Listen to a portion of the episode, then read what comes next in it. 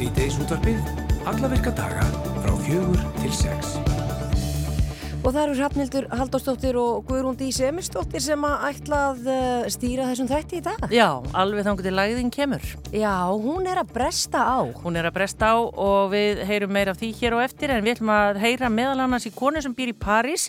Fengum frek, freknir af því að nú á banna raflaupa hjól uh, í París og það var gerð skoðunarkönnun, var að vísa ekkert rosalega mikil þáttaka en þeir sem tóku þátt í könnunni, 90% þeirra vildu ekki rafskútur.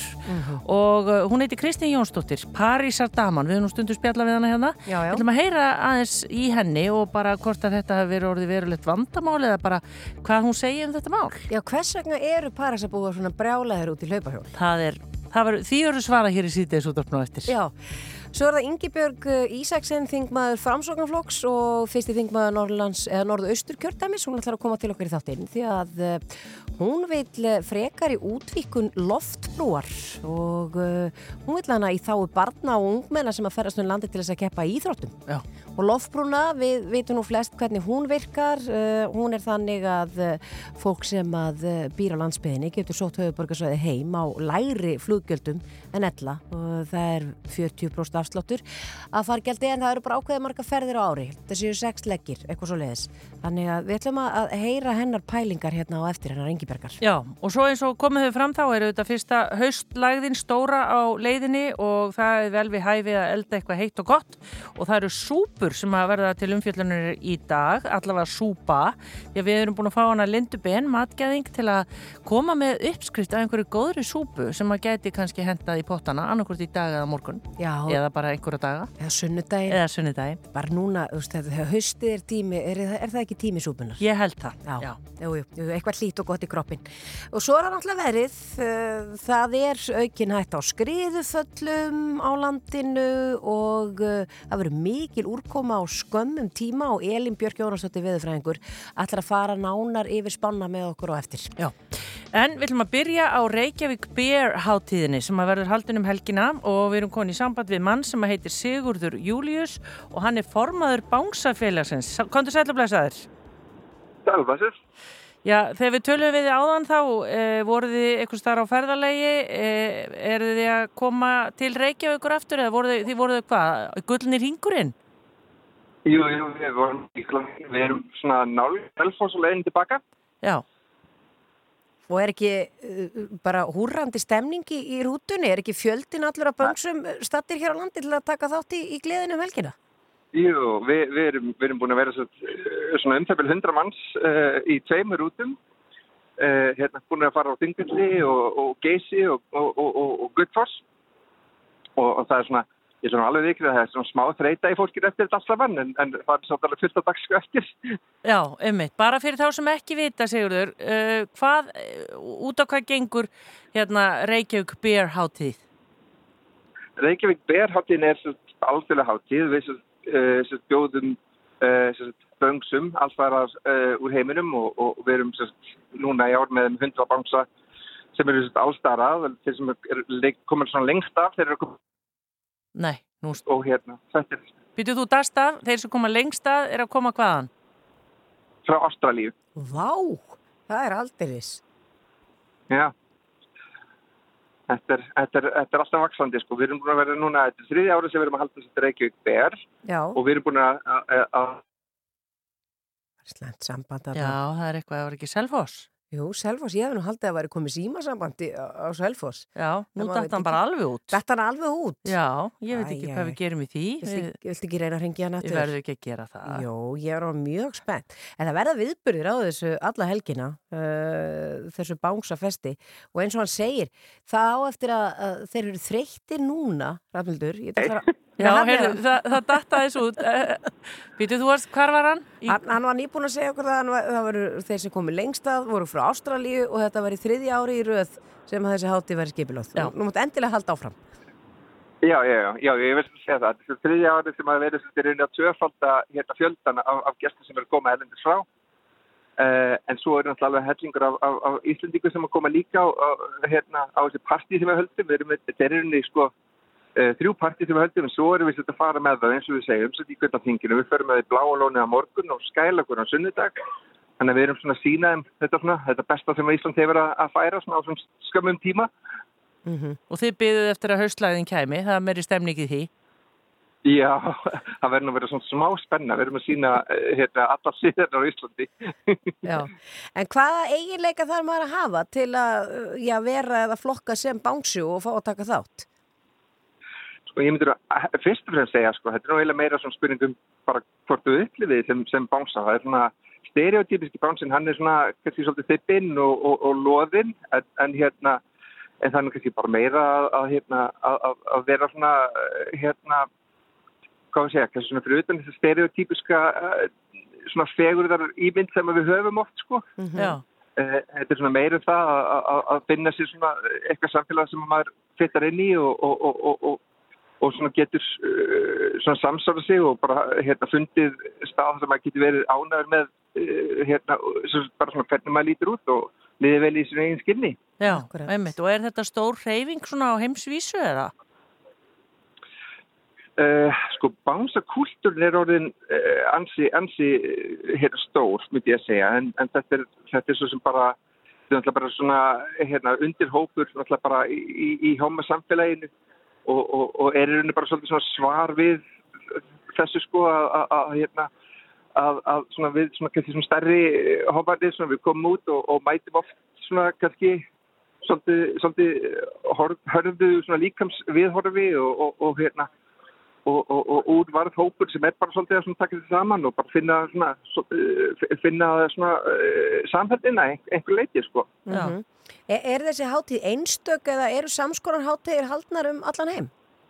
Það eru hátíðir út um allan heim yfir allt árið, alveg, það er, það er bara nóg að velja. Já, þannig að maður getur bara hægt að vinna og byrja að ferðast á bánsaháttíður út um allan heim. Já, það eru uh, svo sannlega margir, margir hérna svona eldri bánsir sem er jáfnvel hættir að vinna sem að bara uh, fara bara í svona heimstúr sko. Já. En er of seint að vera með ef einhver vill bætast í hópin og mæta á þessa viðburði sem er eftir um helgina, hva, hvar á hann að kynna sér það?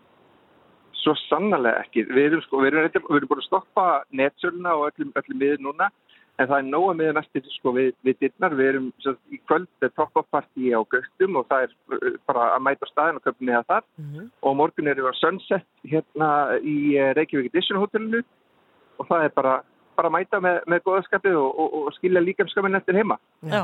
Þetta er frábært, Sigurður Július formaða bánsafélagsins, bara góða skemmtunum um helgina og góða ferð heim. Takk alveg fyrir. Já, bless, bless. Bless, bless.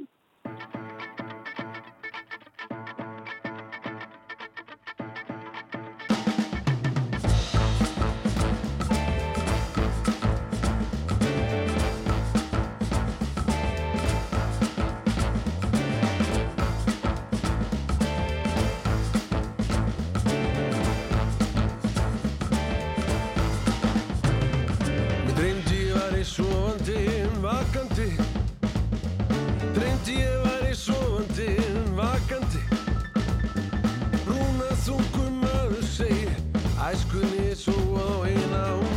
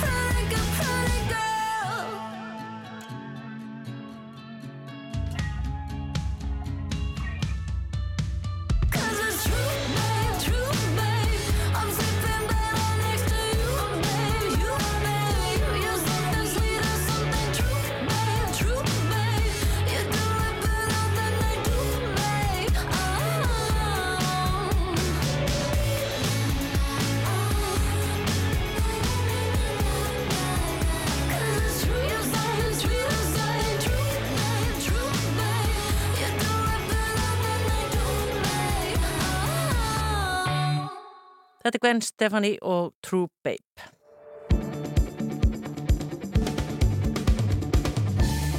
Ingibjörg uh, Ísaksen, þingmaður framsakaflokks og fyrsti þingmaður norðaustu kjördamis er komin hingað í þáttum til okkar uh, en hún vill frekar í útvikkun lofbrúar í þá barna og ungmenna sem að ferast um landi til þess að keppa í íþróttum. Kondi sæl og blessuð Komið sælar, takk fyrir, kella. og velkomin. Uh, já, lofbrúin eins og hún er í dag fyrir þá sem ekki þekkja til er náttúrulega þannig að þeir sem að búa á landsbyðinni fá hvað, sex leggji á ári til þess að koma til höfuborgarinn til þess að nýta sér þjónustu á afslætti. Já, 40% afslætti Já. og einmitt þrjárferðir frá og tilbaka eða sex leggir. Og þú ert að benda á uh, að það væri hægt að mögulega vika út uh, notagildi loftbrúarinnar í þáu líðhelsu og uh, já, til þess að börn geti stundað íþróttir. Já, þetta er þetta verkfæri sem við erum búin að fá smá reynslu af, eh, tæp tvö ár sem þetta hefur verið í gangi og almenn ánægja með þetta. Það verður reynda smá breytingar líka til þess að þeim mitt uh, útvíka þetta enn frekar, það að vera að horfa á uh, til dæmis þá sem eru sunda nám og þurfa tímabundið að færa lögheimilsittinga til höfuborgarsvæðisins að þeir geti nýtt sér þetta líka. Og eins börn sem eru með lögheimili Reykjavík og eiga foreldra á landsbyðinni að þeir geta nýtt sér þetta. Þannig að það er, það er virkilega jákvætt. Og ég mitt uh, vil sjá til þess sjá satt, fram á það að við horfum á ennfrekari útvíkun og getum þá einmitt hort til barn okkar og, og úlingana sem er að stunda íþróttir því að við finnum alltaf meira og meira fyrir því sérstaklega landsbyðinni og þetta er þetta, ég er að hugsa um þetta um, ég er að hugsa um allt landið, ekki bara landsbyðina en þetta hefur samt mest áhrif á landsbyðina að flest íþróttamót og keppnir eru eðli málsins samkvæmt hér á höfborgarsvæðinu og við viljum í rauninni fjölga tækifærum allra til þess að geta stunda íþróttir og tómstundir og geta sótt þau mót og keppni sem að fylgja íþróttinni og þetta er bara mikill kostnað sem fylgir þessu fyrir foreldra. Þau eru að greiða eðlilega æfingagjöld og svo fylgir ykkur búnaður og þessar ferðir og ef við getum með einhverjum hætti ítundir og, og stuðlaða þessari íþróttaiðkunna þá, þá vilja við skoðum það möguleika. En, en er hérna byttunum við? Okkur heyrst ekki í þeir. Ég veit ekki, það er hérna. En er ekki sem sagt, uh, sérstök fargjöld þegar erum íþróttamóta ræða eða neitt slíkt?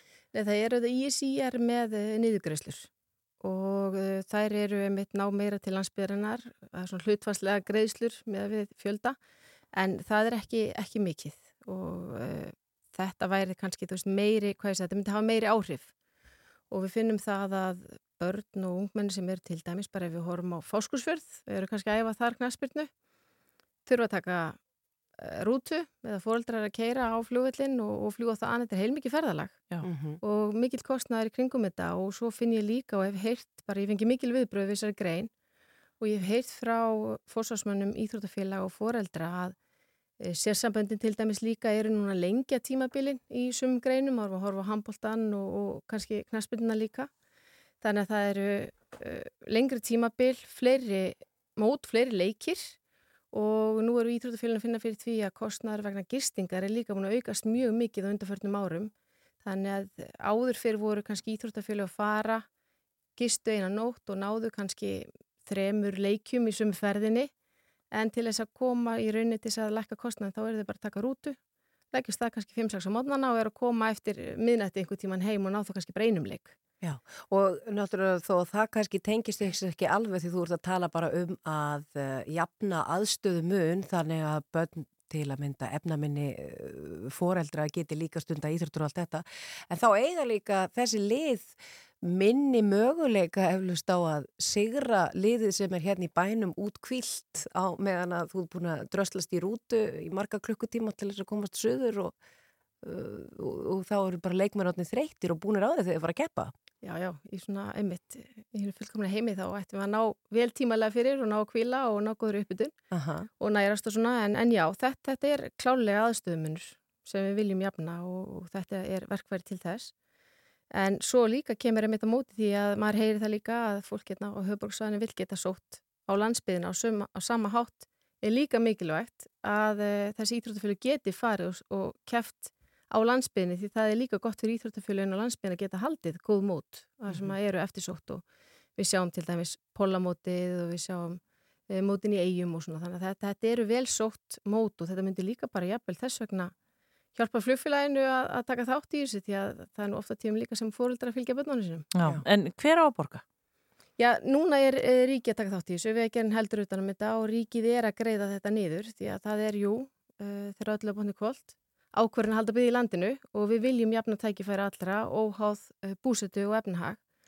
Þannig að þetta er þáttaka hjá ríkinu og ég held í rauninni, já, það er nú bara þannig að e, þetta eru líka forvarnir að stunda íþróttir og, og tómstundir og við viljum halda börnunum í þessu sem lengst og það er þá í rauninni hagstall líka fyrir ríki að taka þátt í þessu til þess emmitt að, að ebla þessa uh, íþróta yðkun barna um all land. Já. Hefur þessi grein þín eitthvað mætt einhver staðar einhverju andstöðu og einhverju sem að hafa sagt að skattpenningum ítla varið í að halda börnum í íþróttum?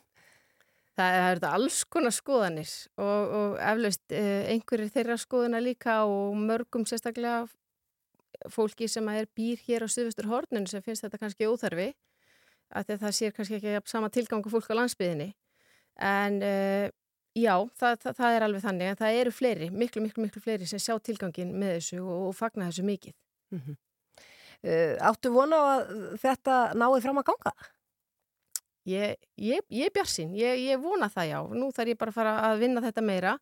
Búin að fá mjög góð viðbröð og svona smá veganesti í að vinna málið enn frekar og leggja það þá framvondi í vetur í þinginu. Og svo þarf ég bara að fá gott fólk í lið með mér til þess að greina þetta betur og hvaða leiðir eru bestar í þessu hverju hver á að halda utanum þetta og, og svo framvegs hvað á þetta að vera mikið og til hverju á þetta ná og í hvað magni þannig að þetta, já, ég, ég er björnsinn Ingi Börg Ísasen, þingmaður framsakaflokksins og, og já, hugmyndasmiður af þessari uh, tillögu um nýtingu lofbrúarnar betur. Takk fyrir komuna í síðdeirðuð. Takk hjá fyrir mig.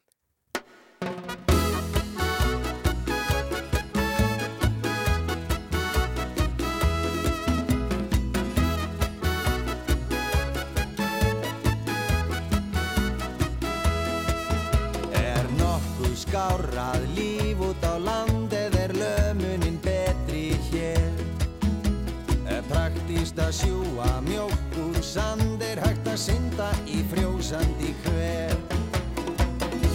Þingmaður og svarið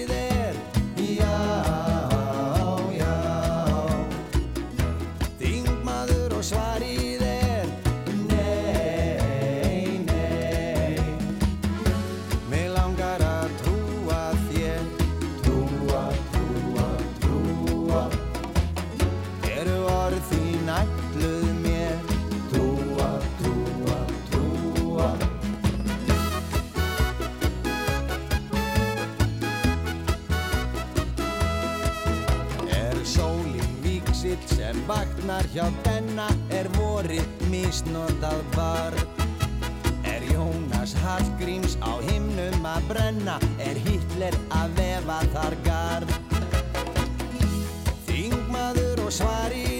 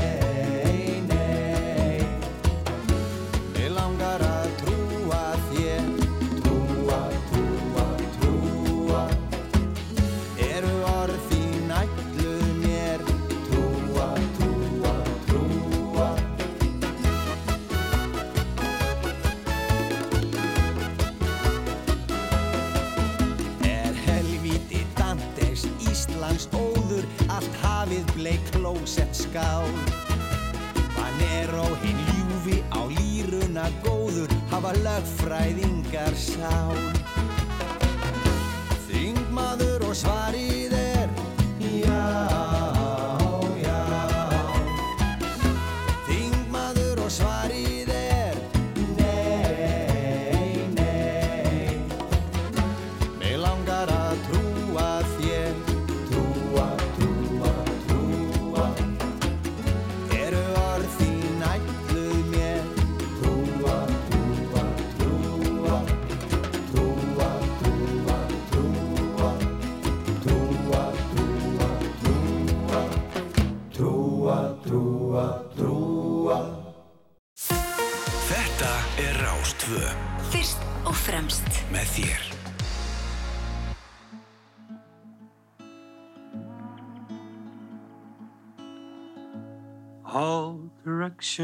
within.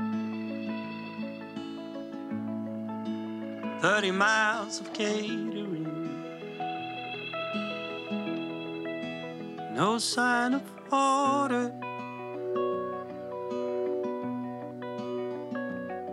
You're right, sir. you let it all. grab it all before the trial. It's cold, empty tubs. You're gonna rise up.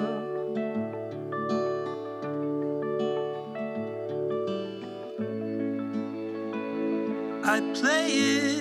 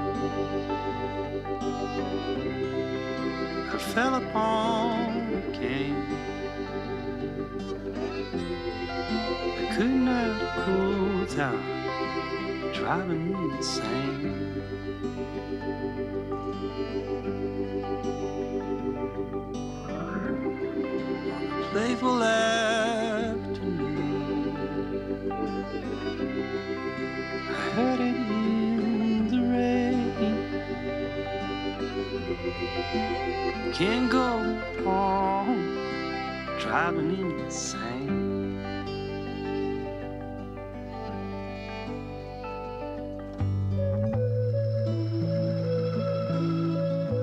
All the funny people say. Good luck shaking pain. Working out.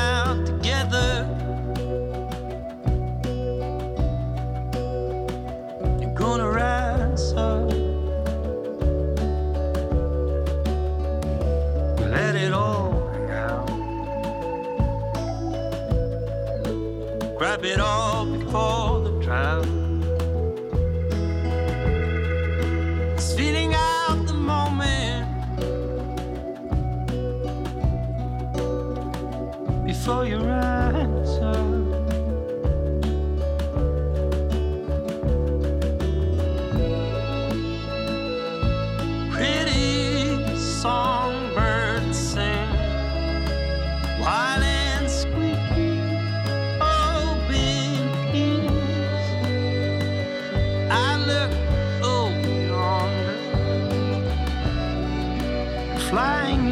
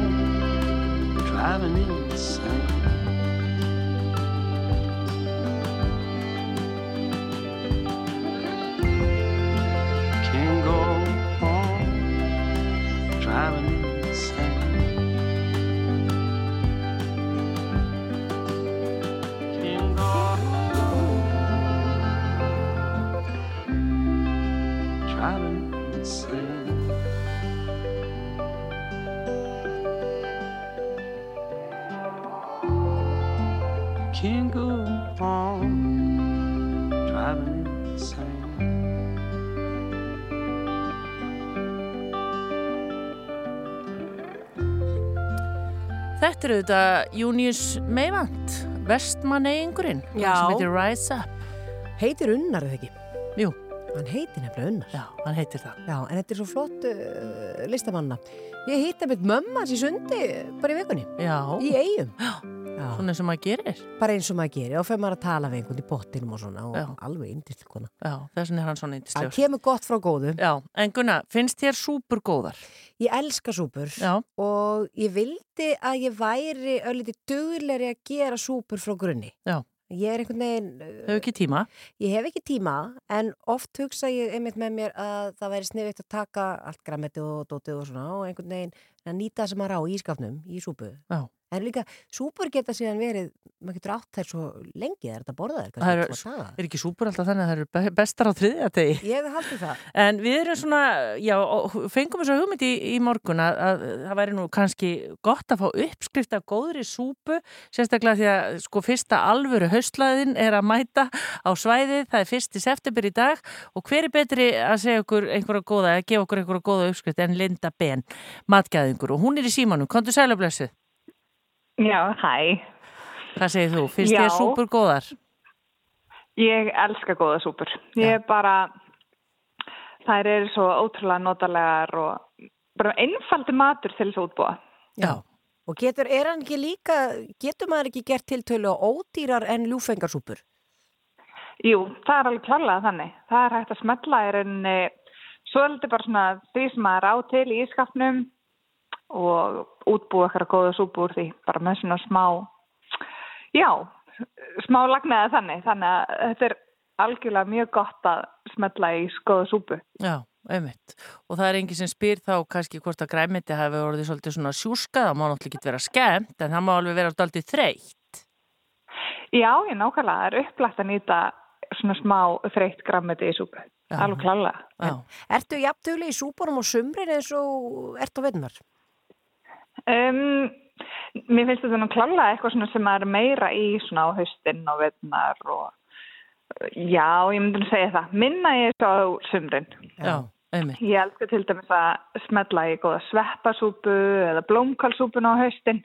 Það er eitthvað svona alveg klassist. Já, og við ætlum að fá Og- þið til að gefa okkur uppskrift. Já, nákvæmlega. Sko, ég var mikið að hugsa þetta þegar ég myndi alveg bara elska súpur. Og hérna langar mikið að gefa ykkur uppskriftina sveppasúpunni að því að hún er rosalega góð. Þetta er svona rjómalöðu sveppasúpa sem er svona alveg bara rosalega mikið að sveppum í þannig að þetta er svona alveg matmikil sveppasúpa. Mm og sen er blómkálsúpan líka því að hún er í sísoni. Blómkál er núna svo mikið í búðum.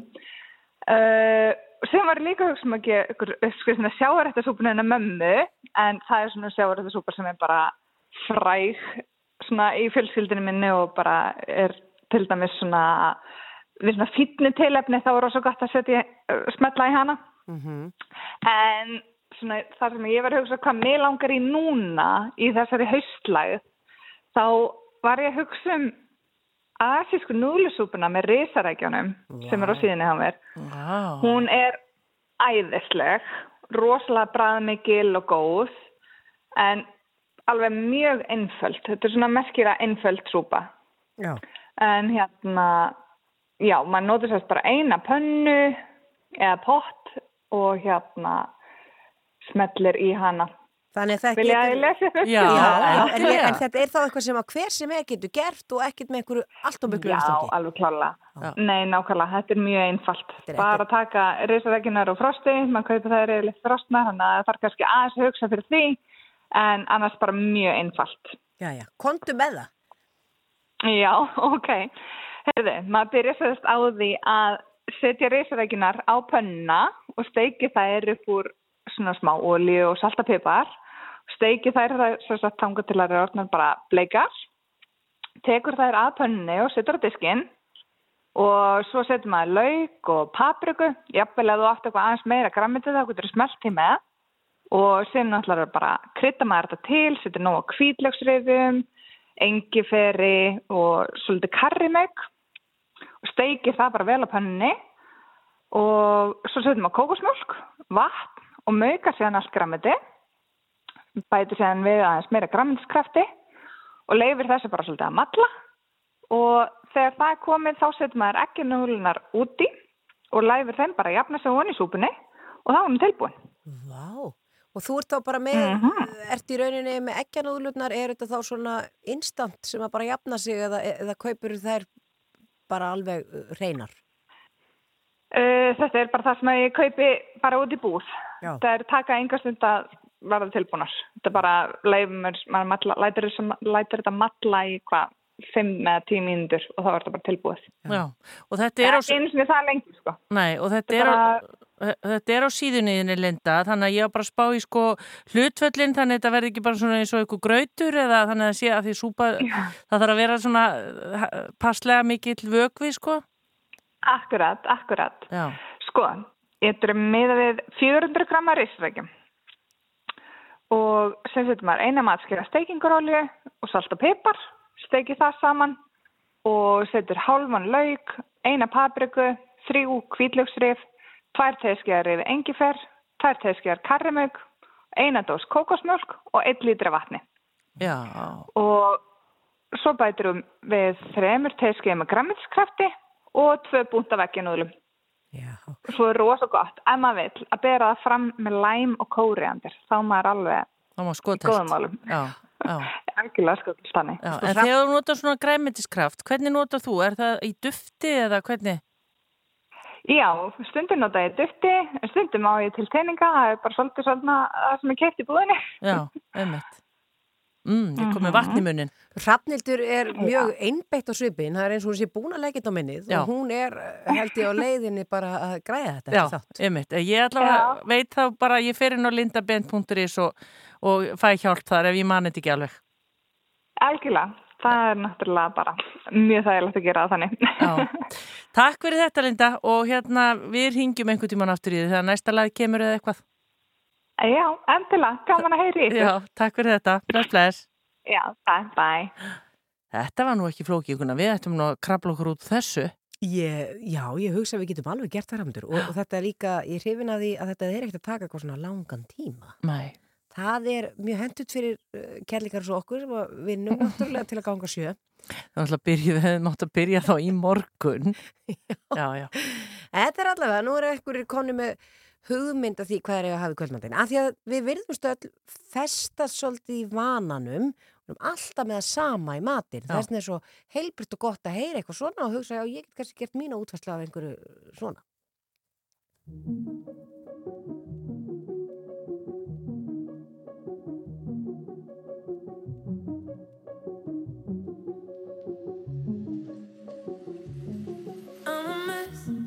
She's the best. She's a 10 out of 10. While I am, who I am. Got a closet full of skeletons. But I'm honest about the evidence. I say yes. You said next. You can't stand what I did. Now I can't get away with it. Like she can. Oh, damn. What you don't understand is angel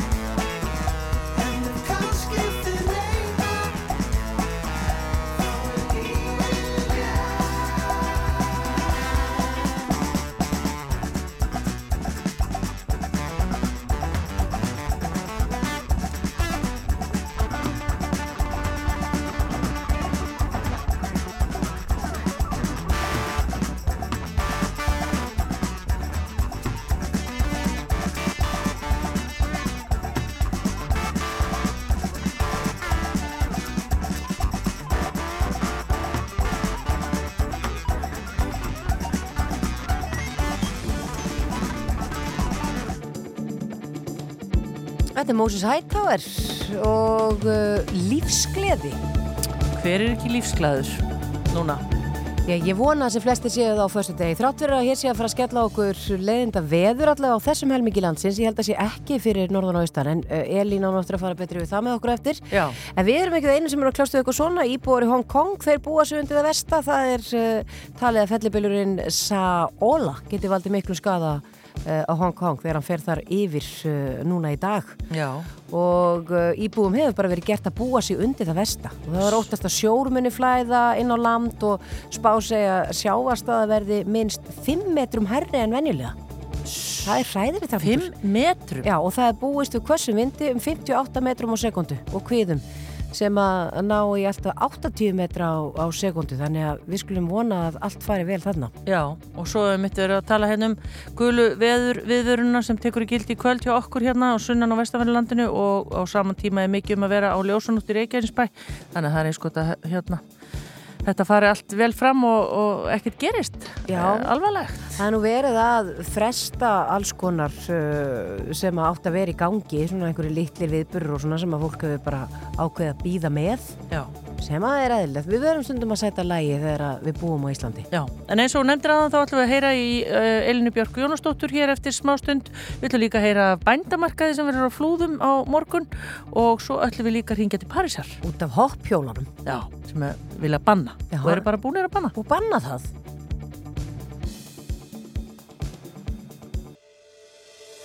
Síðdeis útvarfið. Á Rástfö Í öðrum hvorum söng sem nú er sungin er tómt svart sínis raus. Og textaskáldin sínast mörg sorgum þrungin já landur fyrir haus. En ég vil heldur syngjum björtur hlýðarnar á æðinar braut ég er ánaður ef ég á söng í hjartanu og saltkorn í minn graut Já, syngjum um lífi og lofum það líka. Þó að peningana skorti getur hamingjan gert með næði ríka Það er nógur tími til að hugsa um dauðan eftir dauðan njótum lífsins meðan kostur er. Ég syng bara um lífi og syngdu með mér Þó að jarðskjáltar elgos, frost og fárviðri sé frétta efni þá er fegurðin og ástinn já sólskinnið hið rétta efni sem er þess við að það sé leitað uppi og notið sé vel því að bjart sín og bros og gleði í sálinni er best það ég til Já, syngjum um lífi og lofum það líka.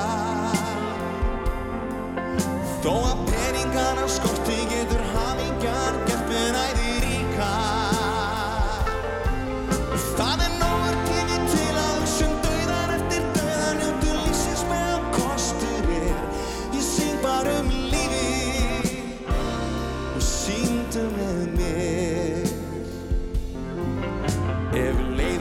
hlusta á nöldur um, um fátækt og púl.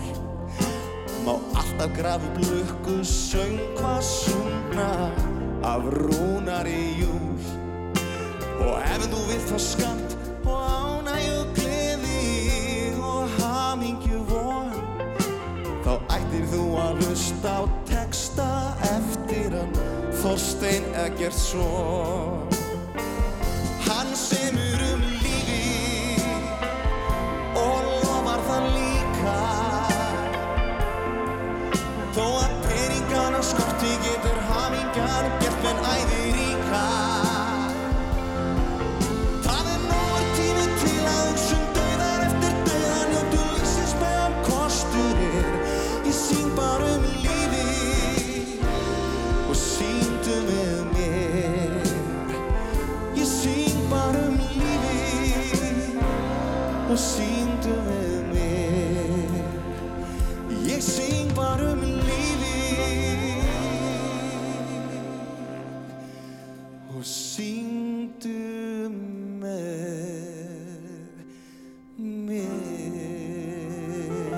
auðvitað Páll Óskar og söngur um lífið og þetta lag, það fer bara ekki út í sko. Það gerir það ekki. Það bara getur ekki dótt út í sko, það er bara svolítið.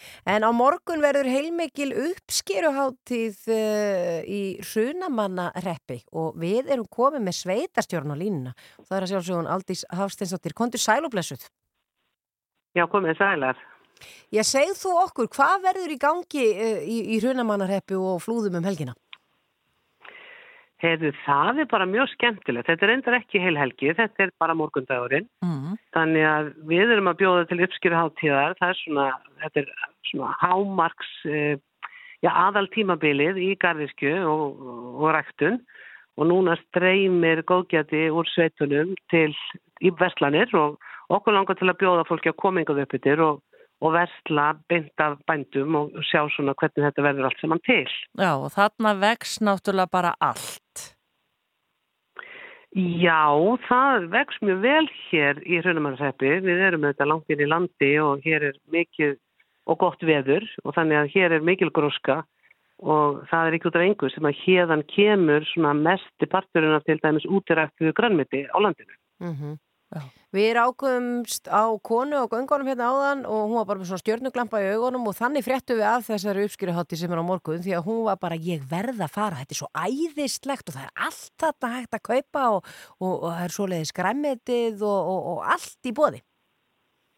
Já, þetta er bara mjög gaman. Við erum með stóran markað í félagsheimilinu. Hér er risa stort og skemmtilegt félagsheimili og hér er mikill markaður. En núna erum við líka að bjóða fólki að fara út á staðina þannig að það er grænmyndi til sölu víðar og meira heldur en bara í félagsheimilinu. Já. Þannig að það þarf að fara og keira svolítið um flúðir og, og fara í litlu bændabúðina, fara út í sveppina og, og kíkja til Sigrunar og Þrastar á Sæsabar til Rappódóru og fa- fara svolítið um og það er svolítið skemmtilegt og það er svona öðruvísi núna heldur en hefur áður þannig að við erum að bjóða fólki á rúndin Já. og Aldís, þú komst náttúrulega úr blómstrætti bænum hveragerði og það er náttúrulega ekkert síra á flúðum, eða hvað? Nei, þetta er nefnilega skemmtilegt. Þetta er auðvitað, já, ég bara við elda garðiskjun og gróðurinn og það er bara gaman. Hendar mér mjög vel. Mér líkar þetta afskaplega vel og það er mjög gaman að vera svona nátengt frum framleyslunni eins og maður er þegar maður er komin á staði svo hljóðum Já, Reikniði bara með eh, já, innlendum eh, ferðamönnum upp á flúður á morgun eða eru erlendir ferðamenn líka að koma til ykkar og eins og skella sér á svona marka? Sko, þeir eru náttúrulega hjartalega velkomnir en þegar þú segir það, sko, við erum bara með dasgrána og okkar áskjara ylhýra og þannig við erum ekkit sérstaklega markasetja fyrir erlenda ferðamenn og ég er nú ekki alveg vissum að þeir viti af okkur hér eða þessu. En það eru þetta mjög mikið að ferðamönnum hér og bara er náttúrulega í uppsettunum öllum þannig að kannski flettar af þessu og kíkja, þeir hefðu gaman að því. Já, einmitt. En bara svona af því ég nefndi að þú komst úr hérna blómstrændi bænum hveragerði Aldís, hvernig eru svona fyrstu mánuðinir búinir að vera í starfi? Mjög skemmtilegir. Þetta er bara virkilega gaman og það er auðvitað öðrand að koma í nýtt sveitafélag og, og kynnast nýju fólki, nýju siðum, bara nýju umhverfi og mér finnst þetta mjög gaman og þetta er, þetta er bara virkilega skemmtilegt. Já. Og miklu skemmtilega heldur en ég gerði mig greið fyrir, satt best að segja. Ertu komin í kórin eða leikfélagið eða eitthvað? Nei, en um, ég var svona, ég hitti prestin í erum það er svo skemmtilegu prestur hérna, sér Óskar í sunna Já. Og þar sem ég var að tala við að þá misti ég út í mér að það gæti nú verið gaman að vera með í kirkjukottum sko. En hvort ég efni það, ég veit það ekki. Nei, en hann mun, hann mun ekki láta það í friði núna, nú verður hann á bakinaður og, og beðið þau að koma. Ég veit það ekki, hann hefur ekki heilt með syngja, kannski ég lætar mig bara alveg í friði ef hann heyri það sko. Já. Ég sá eitthvað viðtalið mitt við hann um daginn og hann er svolítið að svona, já, vika tónlistarsviðið í kirkjun og við ætla að við sungi svolítið bara líka poptónlist. Já, sko, kirkjan er náttúrulega mjög mikilvæg stóð undir menningarlið hér í, í sveitafélaginu sem er nú mjög ríkulegt fyrir. Og til dæmis á morgun, dagskráðum byrjar með messu. Hún byrjar með uppskerumessu klokkan 11 í Hrunakirkju og en, þar er endar uh, aðtöfnin á að það er farið leiki og grillaða pilsur og þannig að við streymum hangað Hrunamenn og að eiga skemmtilega stund og byrja daginn þannig og hann hefur líka og sóknunemndinu mjög, mjög, þau eru mjög frumleg. Það eru búin að vera kúamessur og það er söðfjármessur og það var hrossamessa hérna niður í, niður í gnúpararheppum daginn. Þannig að það er mjög mikið skemmtilegt um að vera. Hvern, fyrir ekki, ég verð að spyrja þau, hvernig fyrir rossamessa fram? Eh, ég held að hrossin nú verið fyrir utan en þá rýður fólk til kirkju sem sagt. Það sapnaði saman eins og hrunamenn söfnið saman í hrunakirkju og reyði svo yfir til nákvæmna sinna. Þannig að það var mjög skemmtilegt. Já, en frábært. En það er sérst þessi markaður á morgun og fyrir þá sem eru bæði á ferðina á morgun, vonandi verður veðrið ekki þannig að fólk komist ekki en þá er þetta nák nákvæmlega hvar? Sko, við erum á flúðum og miðstöðin er í félagsheimilinu En svo er þetta margt annað um að vera og ég hvet fólk til þess að kynast í dasgrána inn á flúðir.is eða sveitir.is og það er til dæmis, það eru opnir gardar, þrýr gullfallegi gardar sem verða til sínis. Þannig hvet fólk líka til þess að kíkja það og það er þetta mjög margi sem hafa áhuga á, á því hvernig maður getur gert gardin sinn enn betri.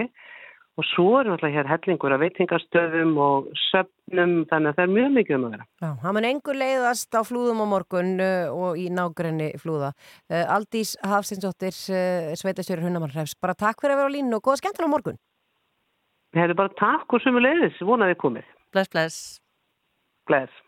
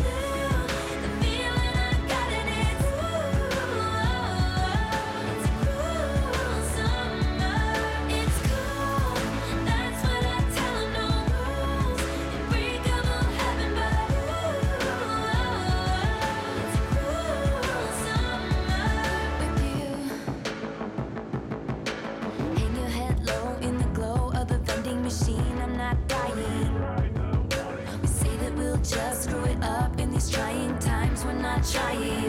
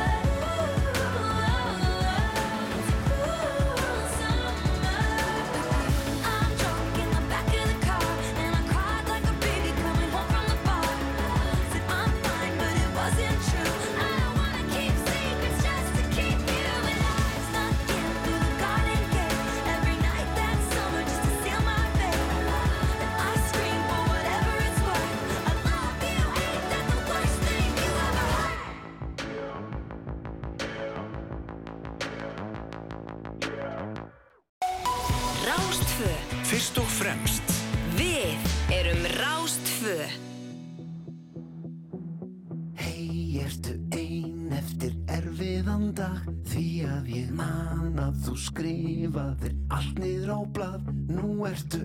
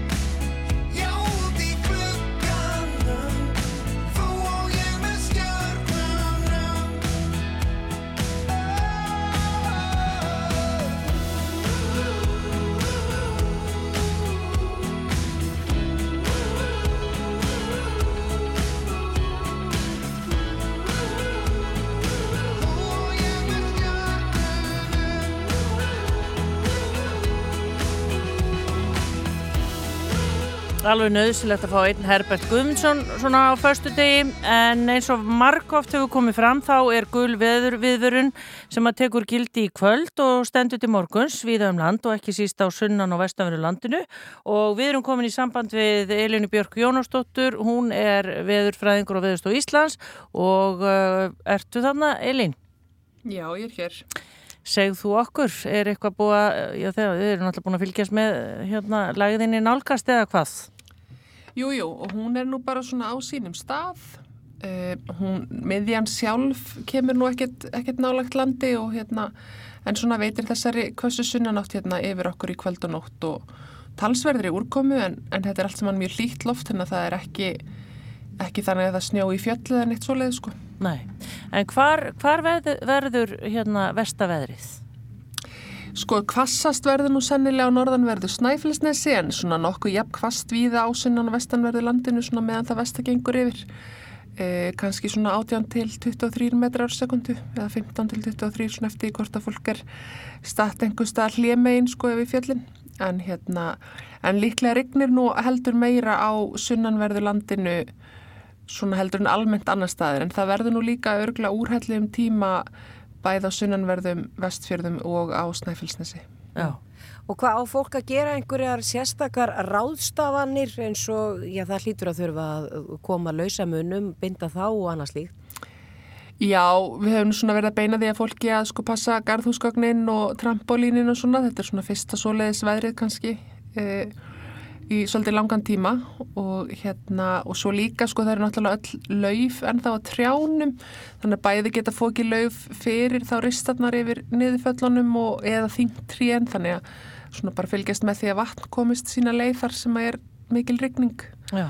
og svo má nú alveg búast við því að það séu sko vatnavextir í ám og lækjum um, bara mjög víða um land og við höfum sérstaklega svona beinti til fólks að það verður nú væntalega ófært yfir allar óbrúaðar ár til dæmis á fjallabaki og, og þeim slóðum sko þannig að fólk hætti að velja sér aðra helgi til að þvælast þar. Já. Og hvenar verður þetta gengið yfir? Það gengur nú bara yfir í kvöld og verður svona mestuleiti gengið yfir í fyrramálið um, einmir svona eftir af kannski rigningunni söðaustan til, til svona 8-9 fyrramálið svo tekur við bara svona söðvestanátt og, og skúra viður uh, alveg fram á sunnudag en þá verður þurft og bjart á norð og norðaustanverðu landinu og, örgulega bara til til að hlýta því þetta er svo hlýri loftmassi. Já, og þetta er náttúrulega bara kemur fyrsta seft, það er bara að vera að minna okkur á hausti.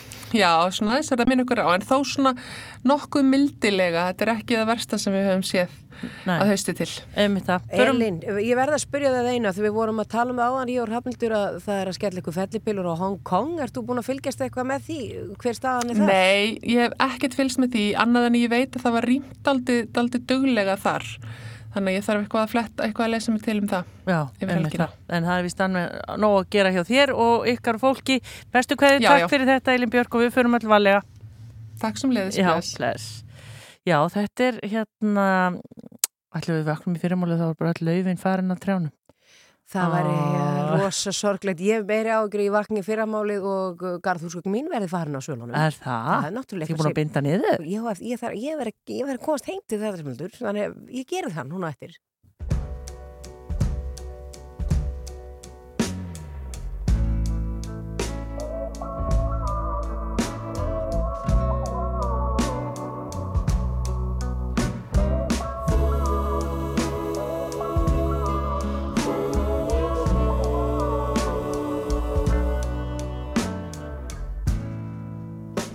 Evergreen.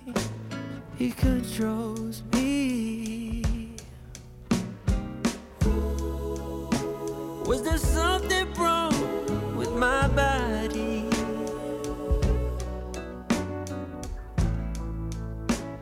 Am I not what you wanted, babe?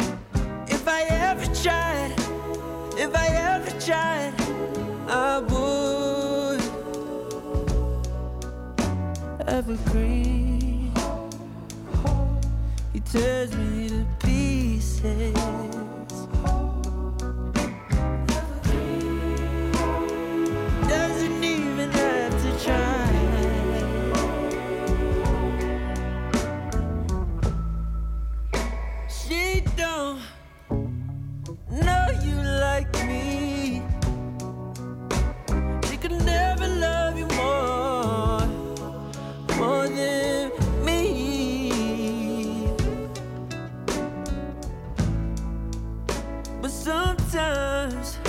I pray that you'll fall in love.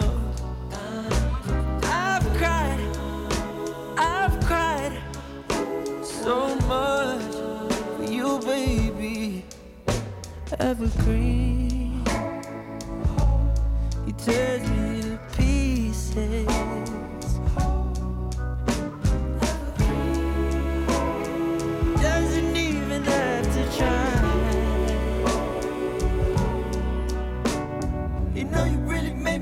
Myself. Had to stop before I break myself. Should've broke it off to date myself. You didn't deserve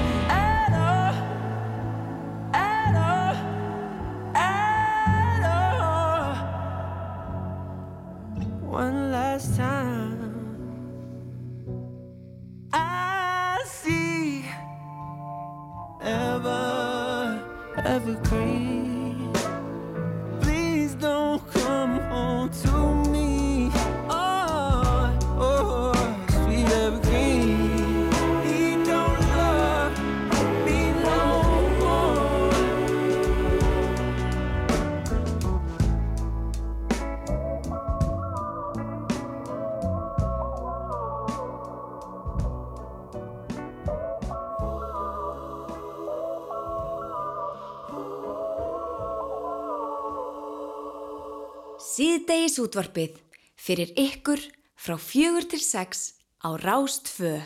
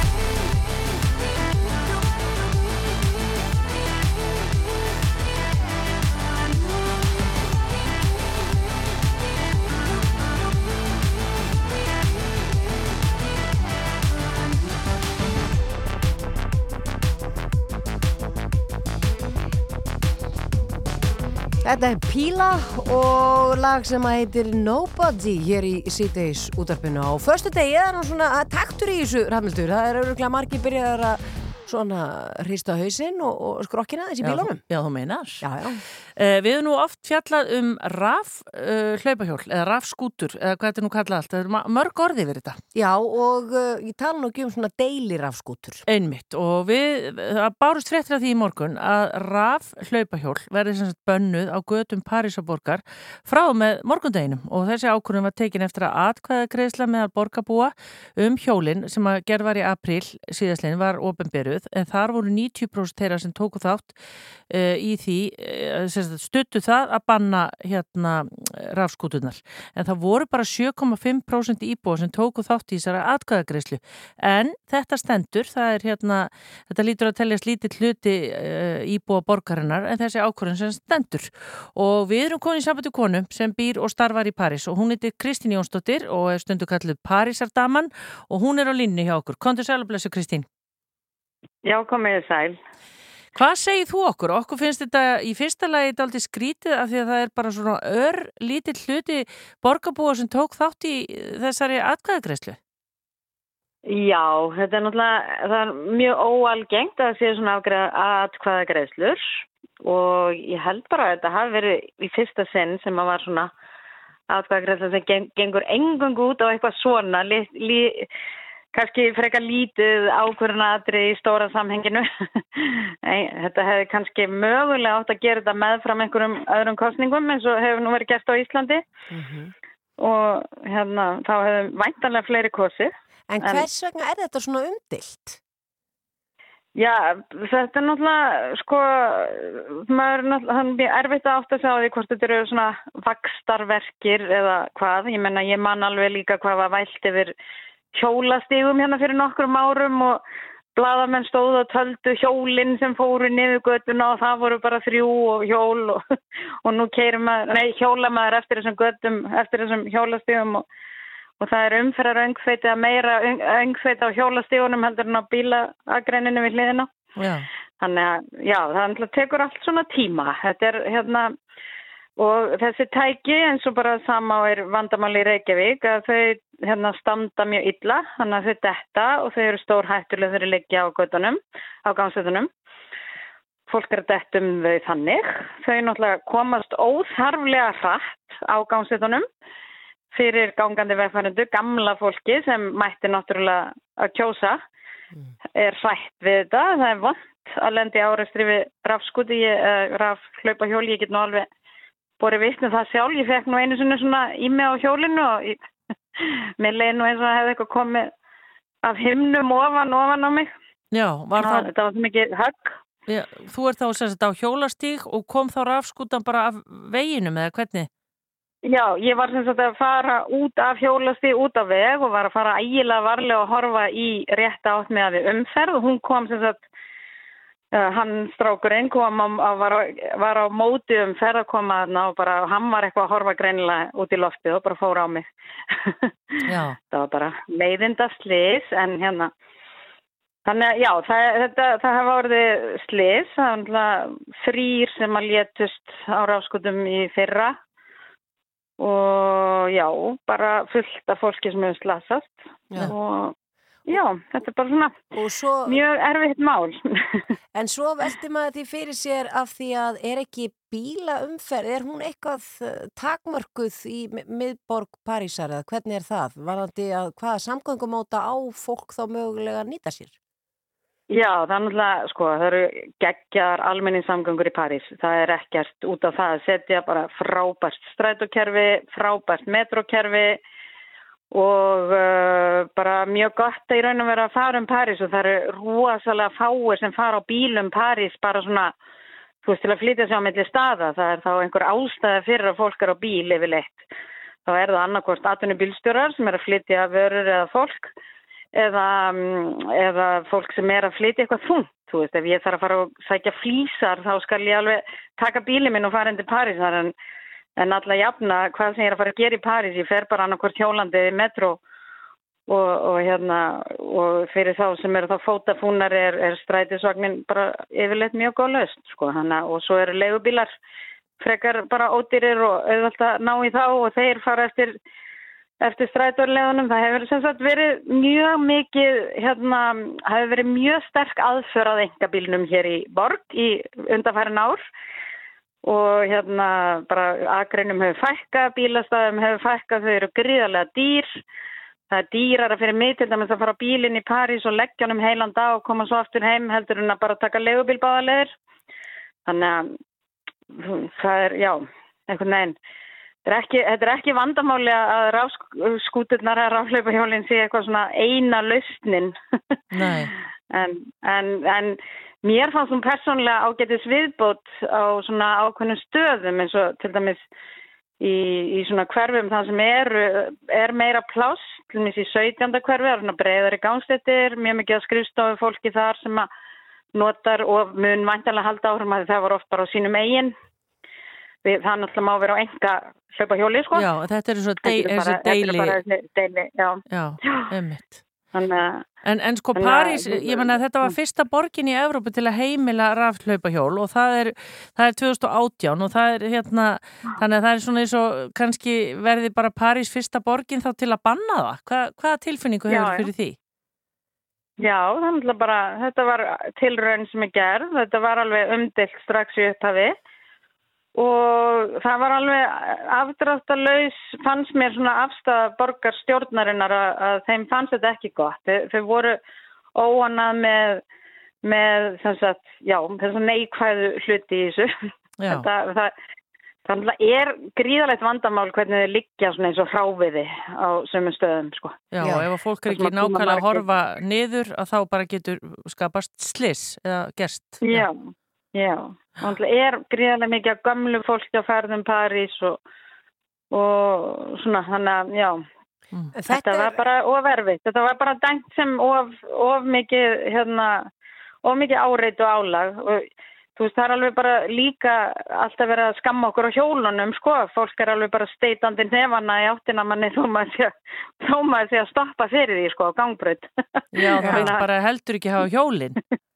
maður er ekkit vinsalasta manneskja í heimi sko á hjólinu sinu þó maður sé að reyna að vera kurtis og, og alltaf að taka tillit til gangandi þá er maður bara dæmdur inn í hennan hóp af hálfvitunum sem eru bara út um allt því miður. Já. og hegða sér í slægjumferðinni. Þetta náttúrulega bara gengur alltaf út af það í svona miklu þjættili að komast á milli staða á auðveldan og þægilegan hátt.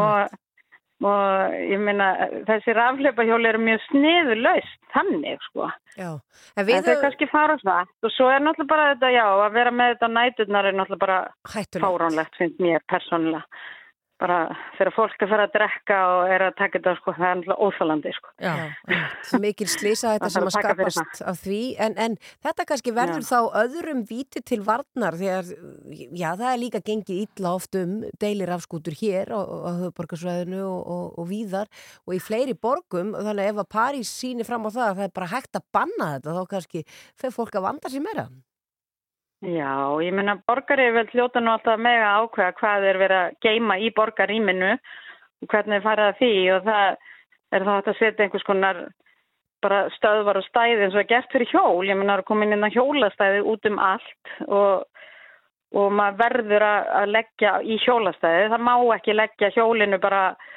þú veist, fyrir einhverja tröppur eða í einhverju grindverkum hér og hvar, sko.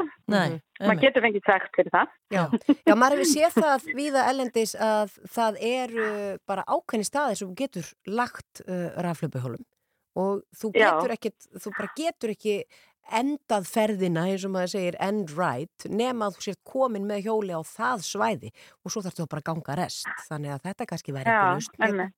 Í Reykjavík Já. Já, það er til dæmis einmitt, það eru svona þessu stöðu fyrir þessi deili hjól er þannig, þú verður að setja hana inn í inn í hjólastöðina, flest hjóli, það eru reynda að koma svona laus hjól líka Já, já, og þau eru oft fyrir sko. já. Ég, ég hef til dæmis haldið að það ætti þá líka banna þau. Einmitt, það. já, já. það verður áhugavert að En- fylgjast með þessu hva, hvort að hérna, fólk almennt sætti sig við það, það er náttúrulega komin hérna skoðanakönnun, atkvæðagreisla hún gildir Já, hún var látin gilda, þetta var ákveðið, það náttúrulega er líka bara mjög sterk svona, sterkur vilji borgaríðvalda að vera með meira svona þáttöku líðræði og notaði ímislegt og, og hérna, en svo eru frakkarnir svo hrætti við að nota netið. Já, já, Það hefði verið meiri þáttaka ef þetta hefði verið á netinu. já, einmitt það er svo það er. Er annars allt gott, gott veður og svona? Heyrðu, það er bara mjög fínt veður, það er, svona, aðeins að kólna aftur, það er svona eitthvað 22 en það fer aftur upp í 28 í næstu viku og bara indislegt, þetta er búið að vera mjög mátilegt sumar hjá okkur. Það, það hef, náttúran hefur síðan að vökva fyrir mig garðin og tómatana, þannig að það er nýtt, ný, nýtt fyrir mér. Það hefur verið nokkur ár sem miklu þurrkar hérna, þannig að nú er þetta bara mjög gott. Já. Gott sumar. Gott að heyra það, bestu kveðu til Parísar, Kristín Jónsdóttir, takk fyrir spjallið og bara góða helgi. Takk, sömu leiðis. Bless, Ég vonaði bless. fjúkn ekki burtu á morgun. Nei, við gerum það ekki. Takk fyrir það. Bless, bless. Já, bless. Já, það er ekki læg þannig í París, 22 gráður og svo 28 bara strax í næstu viku. Já, mér er einhvern veginn mín tilfinning með frakkana þeir láta ekki bjóða sinni eitt kæftæði Nei. þeir hafa aldrei gert það þeir mótmæla og þeir verða bara brjálaðir og svo fara þeir bara jafnvel í óeirðir og göttum úti sem að maður náttúrulega er ekki ánægð með. En, en þeir, já, þeir láta ekki bjóða sinni eitt kæftæði og þeir þeir akta á því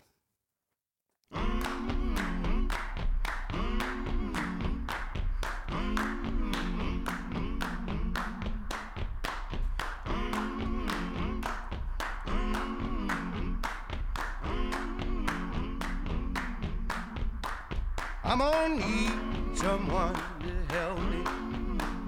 I'm gonna need somebody's hand.